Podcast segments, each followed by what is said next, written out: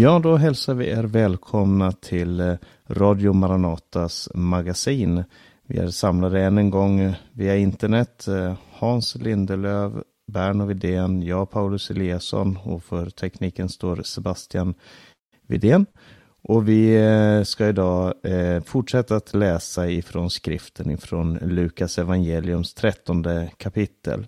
Men innan vi går in på det så vill vi bara ge några små uppdateringar om, om det som eh, är vår del av, eh, ska jag säga, av situationen i Ukraina. Självklart så eh, berättar alla nyhetsmedier och alla som är involverade, alla i hela världen känner ju till det som sker i Ukraina.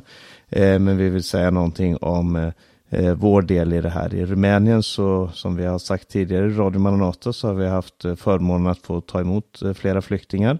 Och nu har vi fem flyktingar boende hos oss i, i församlingen som vi har hämtat och som vi har hjälpt och genom hjälp ifrån syskon i Sverige och Norge så har vi kunnat eh, eh, ordna med ganska mycket ja, med faciliteter och, och hjälp för de här eh, framförallt systrarna. Det är, det är fyra systrar och en, eh, en, eh, en pojke på eh, nio år. Och eh, idag så fick vi också hjälp. Det är många rumäner som gärna vill hjälpa de här ukrainska Eh, flyktingarna och idag på mötet, vi spelar in det här på söndagen, så, så fick vi hjälp också av en eh, rysk tolk, eller en som tolkade till ryska som var från Transnistria i eh, Moldavien som hjälpte oss med, med översättning. Och de här eh, då fick en av systrarna berätta sin historia om hur hon hade kommit sig från Ukraina och det var verkligen en ja, en, en väldigt stark historia där hon flydde utan att veta var och hur. Hon fick 15 minuter på sig att packa ihop alla sina ägodelar. Det kom en okänd man och kör, körde henne mot gränsen. Det visade sig att han hade inte bensin och de eh, körde förbi bensinstation efter bensinstation och de, det fanns ingen bensin att få tag i. Det är helt tomt.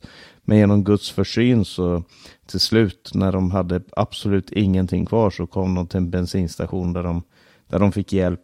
Eh, och sen körde de vidare och hon visste inte om hon skulle åka till Polen eller till Rumänien och vem som kunde ta emot henne. Så hon stannade och bad till Gud. Och så bara några minuter senare så fick hon meddelande från pastorn och då hade vi då eh, tagit kontakt med Vasilij i Ukraina, pastorn där och erbjudit oss eh, hjälp och, och hjälpa. Så det blev ett bönesvar där som jag nämnt tidigare här.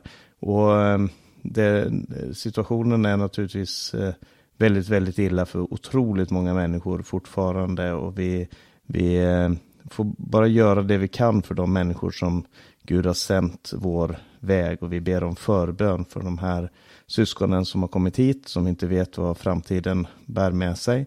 Eh, men som också har en väldigt, väldigt stark tro till Guds omsorg. Jag tror att du Hans också har någonting att säga om den här situationen. Varsågod. Ja, som du sa, det är helt riktigt. Folk är ganska så väl underrättade nu. Det är skakande. Aftonbladet hade en artikel häromdagen om floden Irpen. Hur det har blivit en symbol för kriget i Ukraina. Och just i Irpen här där vi har varit och, och där har vi alltså eh, följt händelserna och eh, det är, det, det är skakande. Det är svårt att riktigt fatta. Man är faktiskt inte förmögen att riktigt kläda i ord allting. Men eh, vi, vi, har, ja. vi har alltså en hemsida där man kan ta del av vissa Precis. informationer. Vi har tidningen Midnattsropet som just har kommit och jag tror det är Berno som har gjort en sammanställning av hur vi har eh, liksom från att vi hade väntat att få besök men inte fick besök. Men ändå sen eh, så har vi ju kunnat eh, ha mer kontakt nu kanske än vi hade eh, om de hade kommit hit. Jag vet inte. Mm. Jo, vi har ju tidningen Midnattsropet då där vi har skrivit en del och men, men det skrevs ju för flera dagar sedan så att eh, det händer så mycket hela tiden nytt så att vad jag verkligen vill uppmana alla det är att vara med först och främst i förbön. Och där du ser att du kan hjälpa till praktiskt, gör det. Och var med och skänk pengar och annat som behövs just för eh, det ukrainska folket och den här situationen. I, igår så träffade jag en eh, rektor, en, han är kristen, och han talade inför en hel skola då och verkligen uppmanade till engagemang och förbön.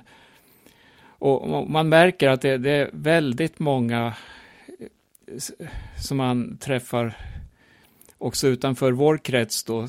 Man, man ser att det finns ett engagemang och, och det finns, ja det, det känns angeläget att folk vill vara med och hjälpa till. Och där får vi trycka på det här. Bönen har en oerhörd makt. Och det, och det finns en kärlek som kan besegra det djupaste mörker, det svåraste hatet. Mm. Amen. Amen. Vi ska, vi ska gå in i texten här nu. Vi får se det. Gå in på maranata.se och, och läs och var med också och hjälp till i den här situationen. Men vi ska gå in i texten nu och läsa Lukas kapitel 13. Och jag ska börja med att läsa de första nio verserna. Jag tror jag ska börja med att läsa vers 1 till 5 faktiskt. Där det står så här. Vid samma tid kom några och berättade för Jesus om galileerna, vilkas blod Pilatus hade blandat med deras offer. Han svarade, tror ni att de galileernas var större syndare än alla andra galileer eftersom de fick lida så? Nej, säger jag er, men om ni inte omvänder er går ni alla under som dem.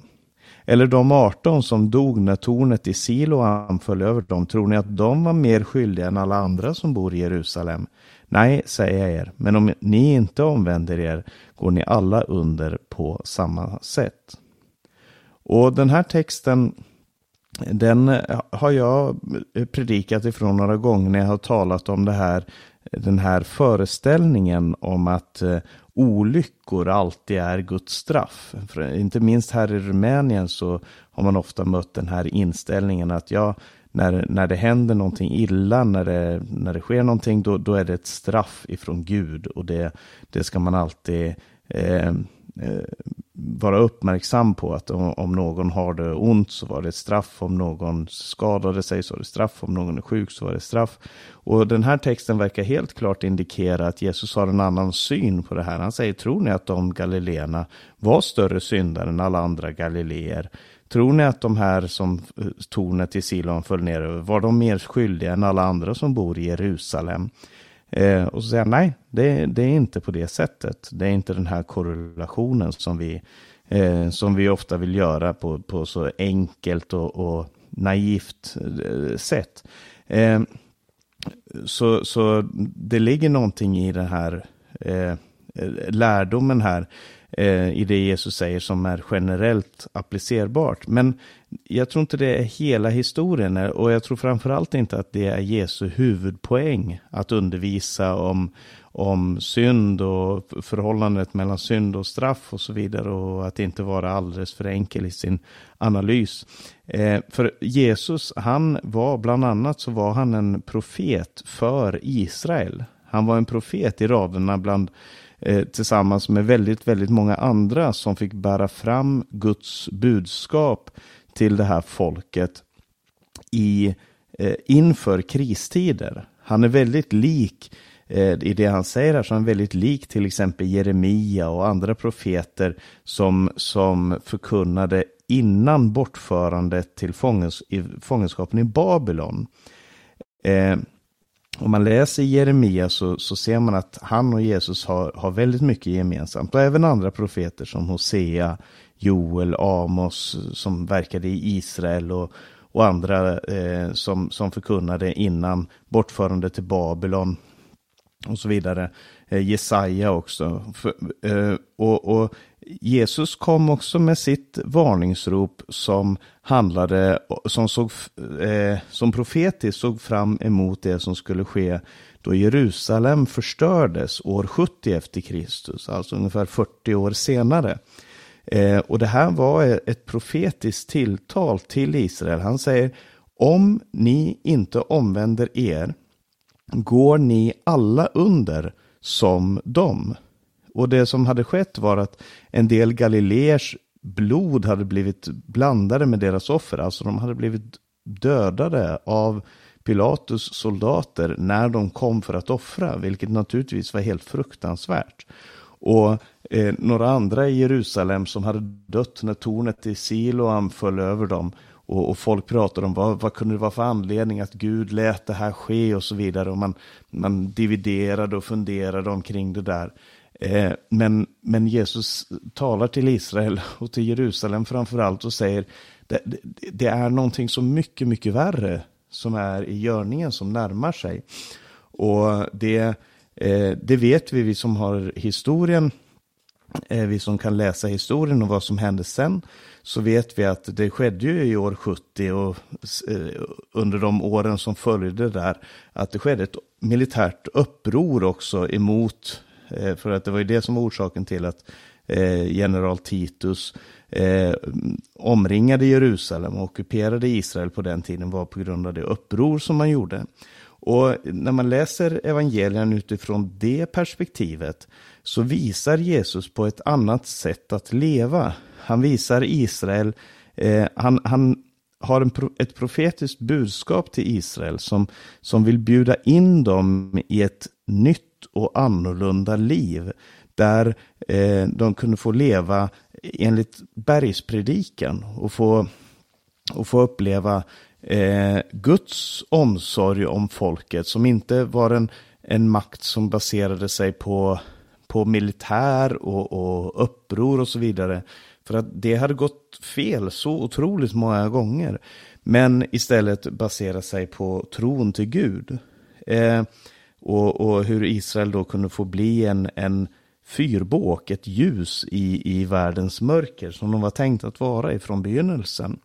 Men istället så valde de då militärt uppror. De valde att inte lyssna på Jesus och Jesus såg ju att det här ledde bara åt ett håll. Där, där de blev förda mot sitt eget fördärv. För att när de reser sig upp emot den här vilddjurskraften i sin egen kraft utan utan Guds kraft, eh, när de reser sig upp emot vilddjurskraften, så, så förlorar de. Och så enkelt är det. Och de blir, landet blir förstört, Jerusalem blir förstört, templet blir förstört och folket förs bort i det som är den stora diasporan. Och sen kommer vers 6 till 9 där Jesus fortsätter och han säger, sen berättar han denna liknelse. En man hade ett fikonträd planterat i sin vingård. Han kom och letade efter frukt på det, ursäkta, men han fann ingen. Då sa han till trädgårdsmästaren, i tre år har jag nu kommit och letat efter frukt på det här fikonträdet, men jag hittar ingen. Hugg bort det, varför ska det få suga ut jorden? Men trädgårdsmästaren svarade, Herre, låt det stå kvar även i år, tills jag har grävt runt det och gödslat. Kanske bär det frukt nästa år, om inte så kan du hugga bort det.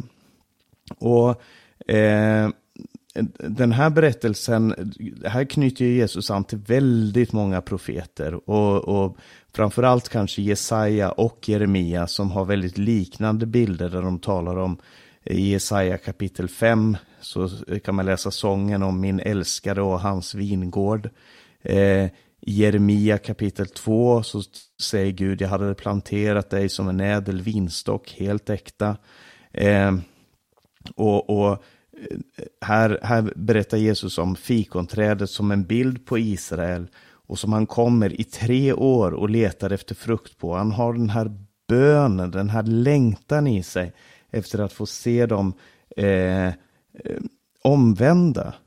Efter att, efter att få se dem, eh, eh, att de ska lyssna efter, till Guds ord. Men det händer inte och han säger kanske nästa år, om inte kan du hugga bort det. Och det, det som händer så tragiskt är ju att det här folket förlorar sin plats eh, för så många hundra år i, eh, i historien. Och i, i slutet av kapitlet, jag ska läsa det också eh, i vers 34-35, så står det så här.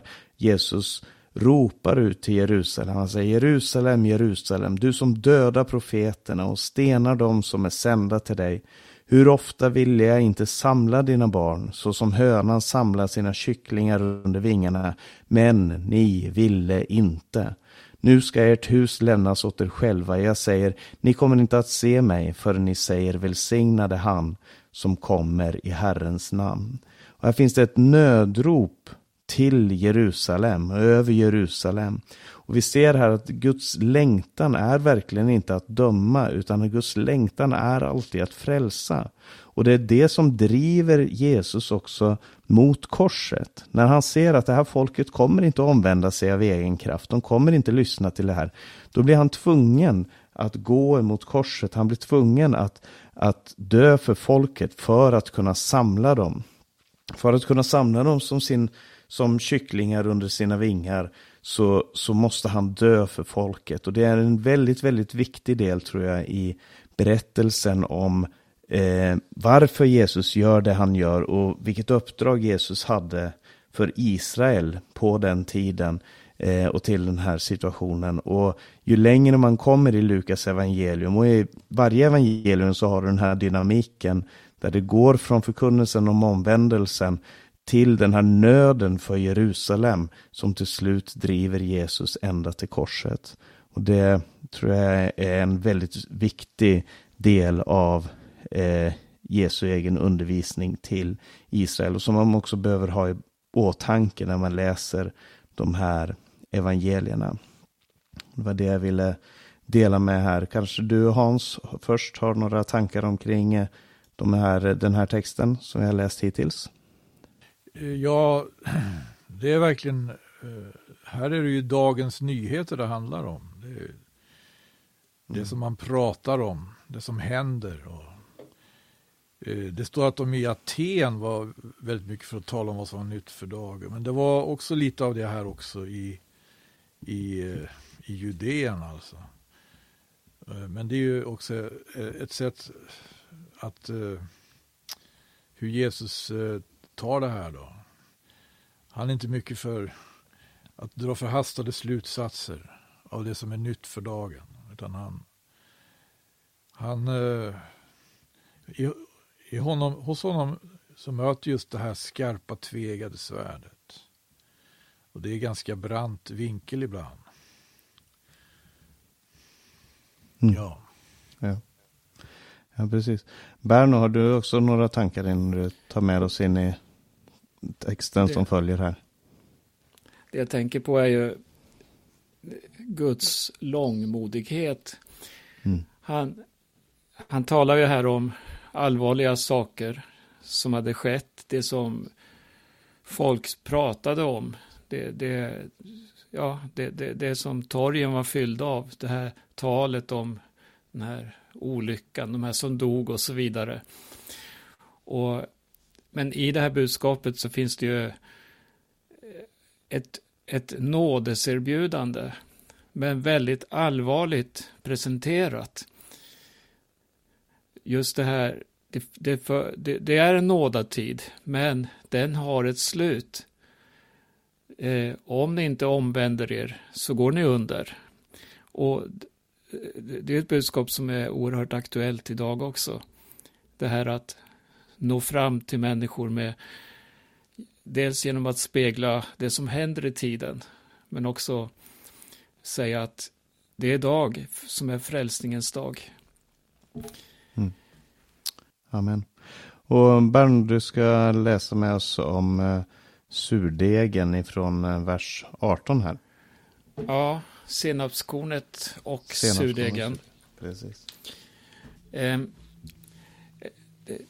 Innan jag läser det så jag tänker på just när Bibeln använder sådana här bilder, liknelser, så, så, så finns det ju eh, man kan ju gå tillbaka till Gamla Testamentet och, och, och se vad de här sakerna representerar. Och, och, så finns det som en röd linje då genom hela Bibeln, just när det handlar om surdegen och också när det handlar om den här växten, senapsväxten. Eh, grundbudskapet i Bibeln handlar ju om försoning. Låt försona dig med Gud. Och det är ett budskap vi möter redan i, ja, från första, första boken, men på ett speciellt sätt tycker jag i Andra Mosebok, tolfte kapitlet, där det står om eh, påsken och den här högtiden, påskalammet som skulle slaktas. Och här så står det också om surdegen. Och här står det att surdegen, den ska rensas bort. Skaffa bort all surdeg ur era hus. För var och en som äter något syrat från den första dagen till den sjunde ska utrotas ur Israel. Och, och det här möter man sen genomgående i hela Bibeln, just att det är något ont med surdegen. Jag ska läsa de här verserna eh, från vers 18 då, som sagt. Därefter sade han, vad liknar Guds rike? Vad ska jag jämföra det med? Det liknar ett senapskorn som en man tar och sår i sin trädgård. Det växer upp och blir ett träd och himlens fåglar bygger bo bland grenarna. Vidare sade han, vad ska jag likna Guds rike vid? Det liknar en surdeg som en kvinna tar och blandar in i tre mått mjöl tills allt blir syrat. Eh, vi stannar lite mera kring surdegen då. Här så liknas då eh, surdegen med Guds rike.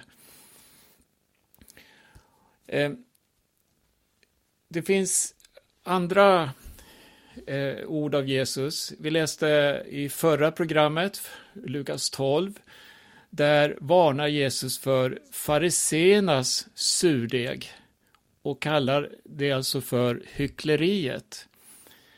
Paulus, han skriver också om surdegen. I första Korinthierbrevet 5 och sjätte versen så skriver han Ert skryt låter inte bra. Vet ni inte att lite surdeg syrar hela degen? Rensa bort den gamla surdegen så att ni blir en ny deg, för ni är osyrade. Vårt påskalamm Kristus har blivit slaktat. Låt oss därför fira högtid, inte med gammal surdeg, inte med ondskans och elakhetens surdeg, utan med renhetens och sanningens osyrade bröd. Eh, Paulus skriver till Galaterna också och använder samma bild då, surdegen, i, i, i varnande ordalag.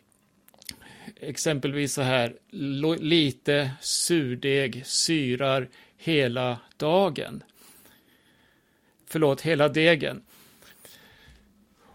Och på det här sättet, om man, om man har den här bakgrunden och just den här förståelsen av surdegen, så, så förstår man att det här talar Jesus om något som vill blandas in i evangelium.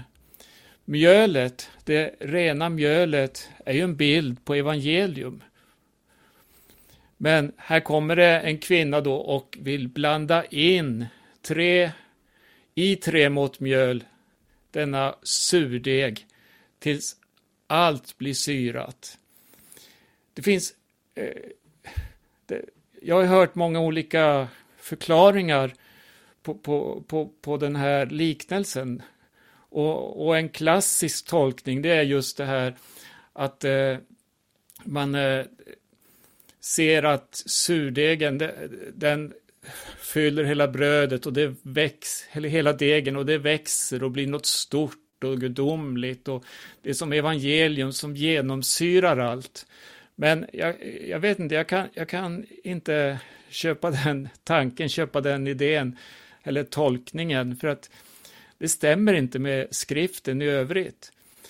Men håller vi oss däremot till den här bilden att surdegen är något ont, då harmoniserar det med mycket annat av Jesu undervisning när han varnar.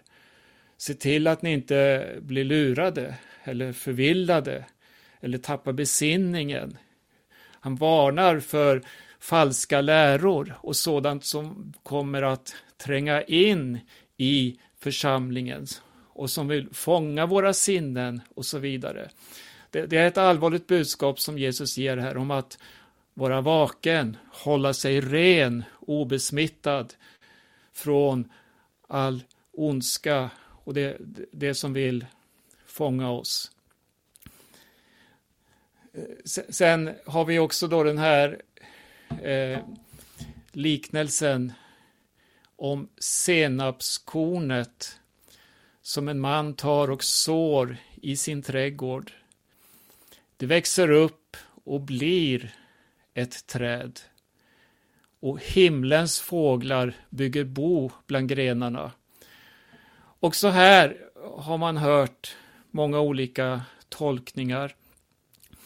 Och jag minns eh, som barn då jag eh, satt och läste Bibeln. Jag hade inte lyssnat till någon eh, utläggning eller förkunnelse om just den här texten. Men jag minns hur, hur jag tyckte att ett senapskorn, ja, det är väl en växt, men det blir till ett träd. Det kändes abnormt. och himlens fåglar bygger bo på dessa grenar. Och, så jag började läsa Bibeln och hittade då olika texter i Gamla Testamentet.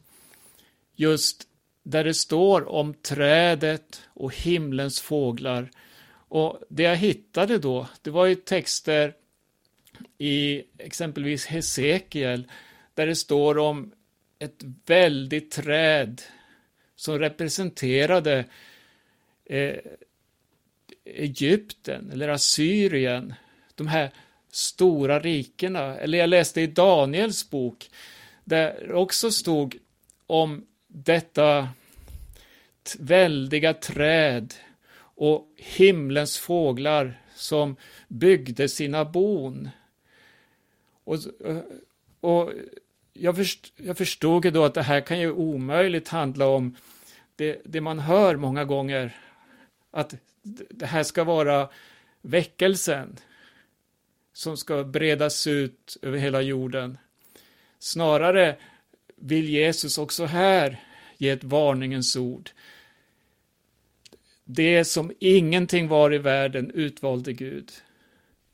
Det som ingenting var. Och Jesus lyfter hela tiden fram det här lilla och så att vi får bevaras som en växt, bevaras i det lilla och inte fastna eller falla offer då för allt det här stora och mäktiga som presenteras många gånger som framgångsteologi, förkunnelse om eh, att man ska sträva efter att få det så bra som möjligt och så vidare. Nej, vi möter istället en försakelseteologi i Jesu undervisning här. Och det är viktigt att vi får bevaras i, i, i det här som är det gudomliga, det som inte är stort i den här världen, men inför Gud så är det dyrbart. Jag tror jag stannar där. Ja. Ja, jag, jag, det, som, som, precis som du säger så finns det ju två olika vägar som, som eh, de flesta bibeltolkare har valt i, i den här texten. Men jag tycker att någonting i det som i texten som följer och som Hans ska få presentera lite närmare för oss eh, förklarar ju någonting av, av vad det faktiskt handlar om och det är det som står i vers 23. Någon frågade honom, Herre, är det bara några få som blir frälsta? Det, det, det verkar som att eh, när, när Jesus har haft den här förkunnelsen så är, så är det en oro. Och om det här hade handlat om att det här kommer växa, det här kommer bli någonting stort, det här kommer ta över allting. Så borde, borde ju inte frågan ha varit, är det bara några få som blir frälsta? Eh, men om de också hade den här oron utifrån det Jesus sa, nämligen eh, om den här surdegen är det som förstör, om det här trädet är en perversion av det som var tänkt att vara, så är det mycket mera mening för att, ja men vad blir det då med det som du hade tänkt? Och det, den frågan är också väldigt aktuell. Jag vet inte, Hans, vill du säga någonting om den här texten innan du tar in oss i den sista biten här? Det är kanske är lika bra vi går in i den sista biten. Ja, ja men gör gärna det. Läser vidare. Och det är inte den sista biten heller, för att jag ska läsa i alla fall, eh, ja, från vers 22 då. Han vandrade från stad till stad och från by till by och undervisade folket under det att han fortsatte sin färd till Jerusalem. Och någon frågade honom, Herre, är det, bara, är, det, är det endast få som blir frälsta? Då svarade han, kämpa för att komma in genom den trånga dörren. Många, säger jag er, ska försöka att komma in och ska ändå inte förmå det. Om husbonden har stått upp och tillslutit dörren och ni sedan kommer och ställer er där utanför och klappar på dörren och säger Herre, låt upp för oss. Så ska han svara och säga till er, jag vet inte varifrån ni kommer. Och ni ska då säga, vi har ju ätit och druckit med dig och du har undervisat på våra gator. Men han ska svara, jag säger er, jag vet inte varifrån ni är. Gå bort ifrån mig, alla ni ogärningsmän. Där ska då bli gråt och tandagnissla när ni får se Abraham, Isak och Jakob och alla profeterna vara i Guds rike, men finner er själva utkastade. Ja, människor ska komma från öster och väster, från norr och söder och bli bordsgäster i Guds rike. Och se, då ska somliga som är det sista bli det första och somliga som är det första bli det sista. Ja, det är vissa saker här. Som sagt, bara den här frågan i vers 23, Herre, är det endast få som blir frälsta? är ju ganska märklig på, på ett sätt. Att trots allt så hade då Jesus gjort ett väldigt intryck, förstår man, på den som ställer denna fråga. Därför att eh, den som ställer den frågan är ju helt klar över alltså att det här med frälsningen, det handlar ju om något mer än att överhuvudtaget bara komma in i löfteslandet, i Kanas land, i, i, i geografin. Och bo, annars så skulle ju det vara idealet eh, för, för, för en jude. Va? Det står så här i Johannesevangeliet när, när Jesus undervisar i kapitel 8 där och talar om att bli fri. Då svarade det honom, står det i 33 versen, vi är Abrahams säd har aldrig varit trälar under någon. Hur kan du då säga ni ska bli fria? De, de bodde i det land som Gud hade lovat ge åt Israel. De, de nitälskade för Mose lag. Och det här var ju för dem livet. När Jesus kom och talade om Guds rike så talar han alltså om något annat liv. Han talar om någonting nytt som ska bryta in och som redan har brutit in genom att han har börjat sin verksamhet. Och han talar om inte Israels land. Han har ett uppdrag inom landets Israel. Han talar om Guds, Guds rike, om det tillkommande. Och det vet vi när han eh, efterhand utvecklar så att säga sin undervisning så blir det allt mer oerhört. Men han inleder som sagt med liknelser som är hämtade ur från vardagen och arbetet. Det är inte det storslagna och det, det panoramaperspektivet. Men, men det perspektivet kommer ju när han så småningom tar fasta på vad Daniel och andra profeter har talat om, om sin tillkommelse. Va? Men det här tänkte jag på, här har faktiskt en fattat det här, att det, det räcker inte bara att vara jude, att vara omskuren, att bo i Israels land och akta på Mose lag. för att bli frälst? Och då kommer ju det här också då, svaret. va. Kämpa för att komma in genom den trånga dörren. Och då undrar man ju, vi kan kanske tycka det här, vi kan se på judarna och deras, liksom, deras eh, många gånger helt totala oförmåga att förstå Jesus. Men har vi verkligen förvaltat det kristna budskapet på ett sådant sätt att vi inte har skapat sådana här föreställningar, någon slags motsvarande föreställningar?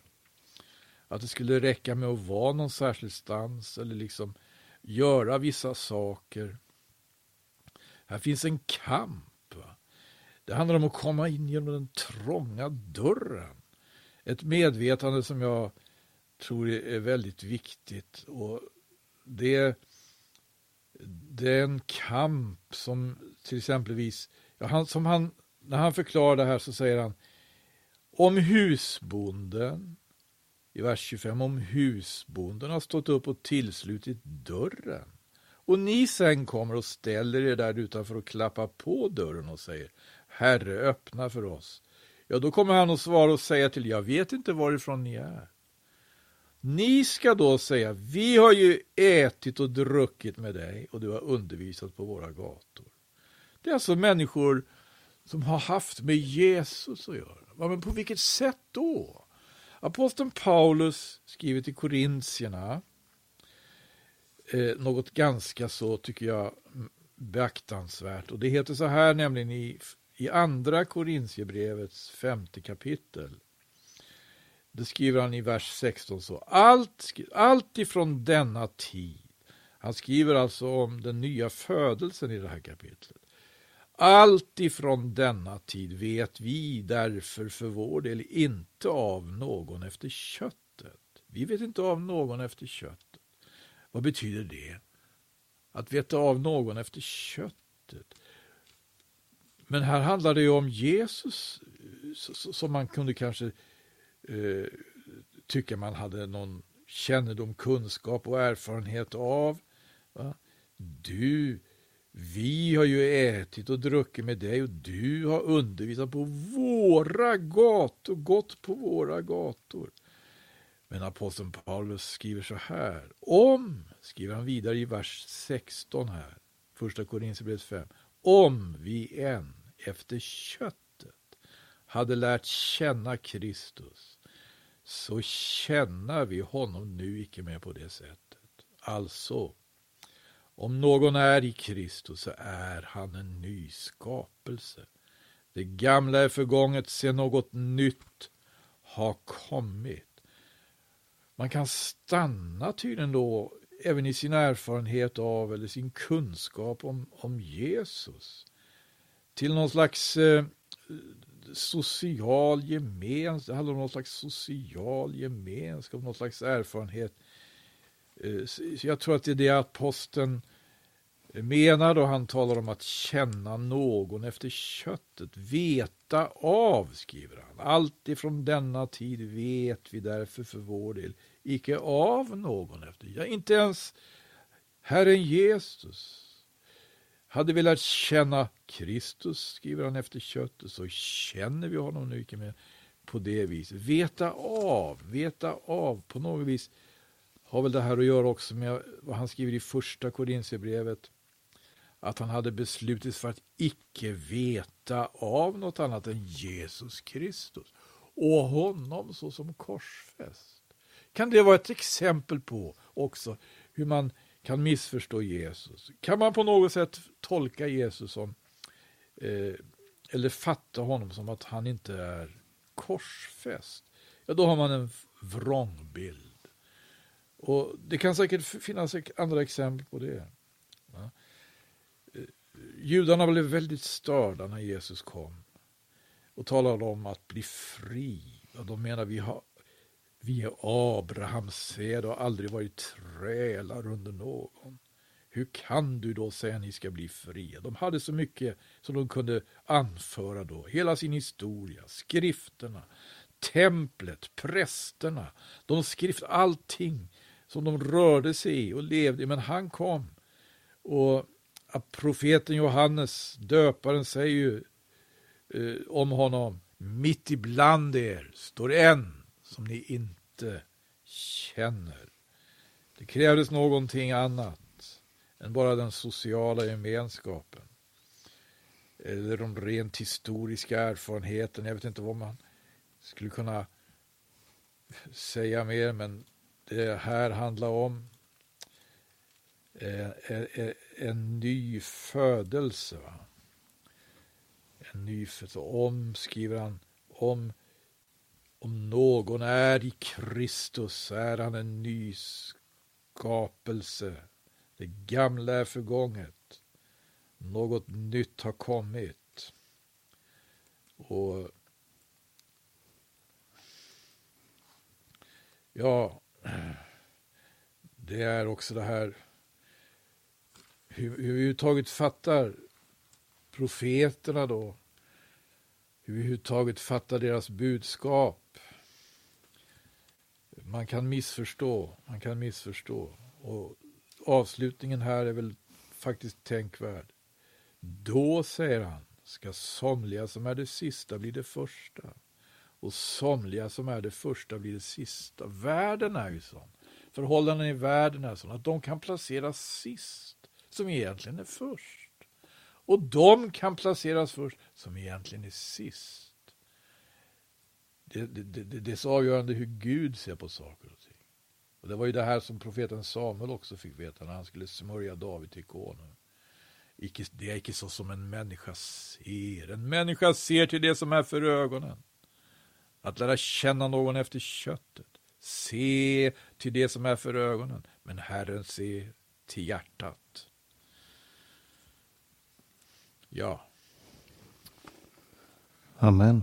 Ja ja, tack ska du ha. Det är en uh, otroligt eh, allvarlig text det här. Hela kapitlet bär en, en prägel av, av ett allvar från Jesus sida. En, en eh, intensiv uppmaning och utmaning. Kämpa för att komma in. Och han, han talar om när husets herre har stigit upp och stängt porten och det, det för tankarna till, till första Mosebok när Gud eh, Eh, stängde igen porten om Noa.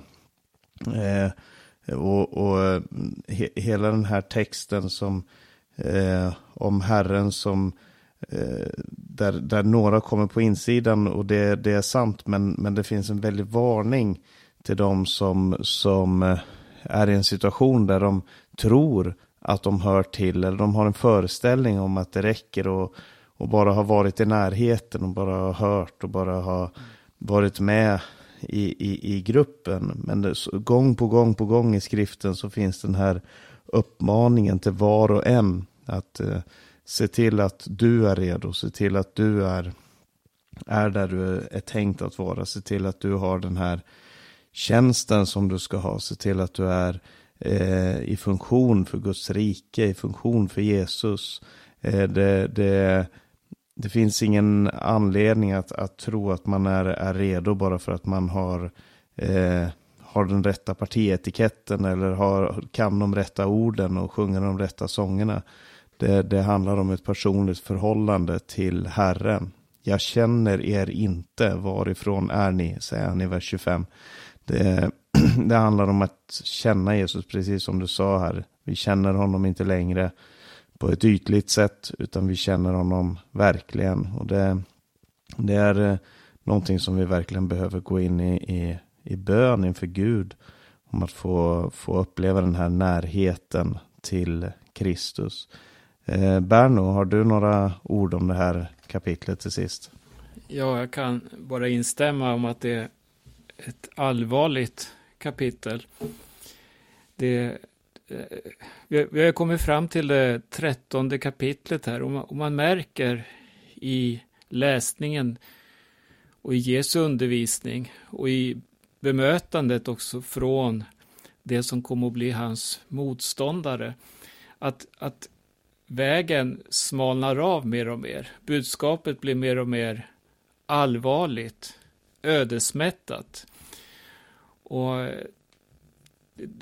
det här som först var en slags popularitet många drogs till. Men, men så möter man ju närmare Golgata han kommer, ju närmare Jerusalem han kommer och påsken då han ska lida, desto mer ensam blir Jesus. Och sen när han kommer till Golgata och eller överlämnas till, till, till, till eh, Pilatus och eh, då är han helt ensam, övergiven till och med av sina lärjungar.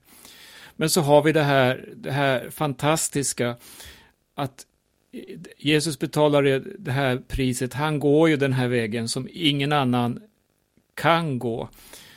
Och så ser vi när det allt ser svart ut, allt ser omöjligt ut. Nu är det slut, lärjungarnas hopp var ute.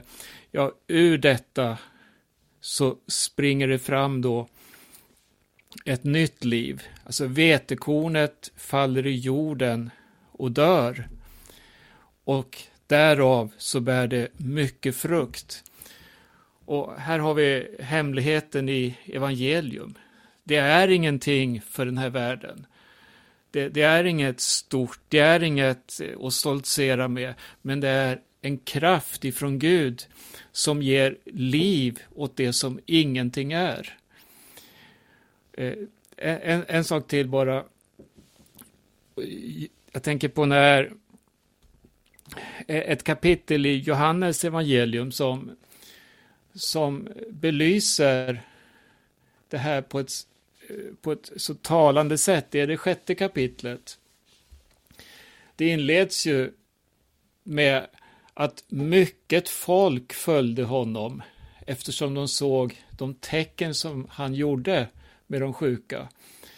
Sen fortsätter Jesus där och undervisar och han går rakt på sak och han talar om för de som följde honom varför de följde honom, vilka avsikter de hade och det var som att de blev mer och mer avklädda och till slut så reagerade många av hans lärjungar och, och sa att det här var svårt, det var hårda ord. Vem står ut med att höra på honom?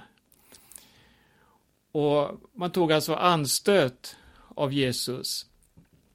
Sen, sen eh, står det så här då att, att efter detta drog sig många av hans lärjungar undan och slutade vandra med honom. Han blev ensam på ett sätt. Men, men, men så har vi då eh, de här tolv, de får frågan av Jesus, alltså, hans närmsta lärjungar, inte tänker ni väl också gå? Och då säger Petrus, till vem skulle vi gå? Du har det eviga livets ord. Här har vi en framkomlig väg också genom de svåraste stunder.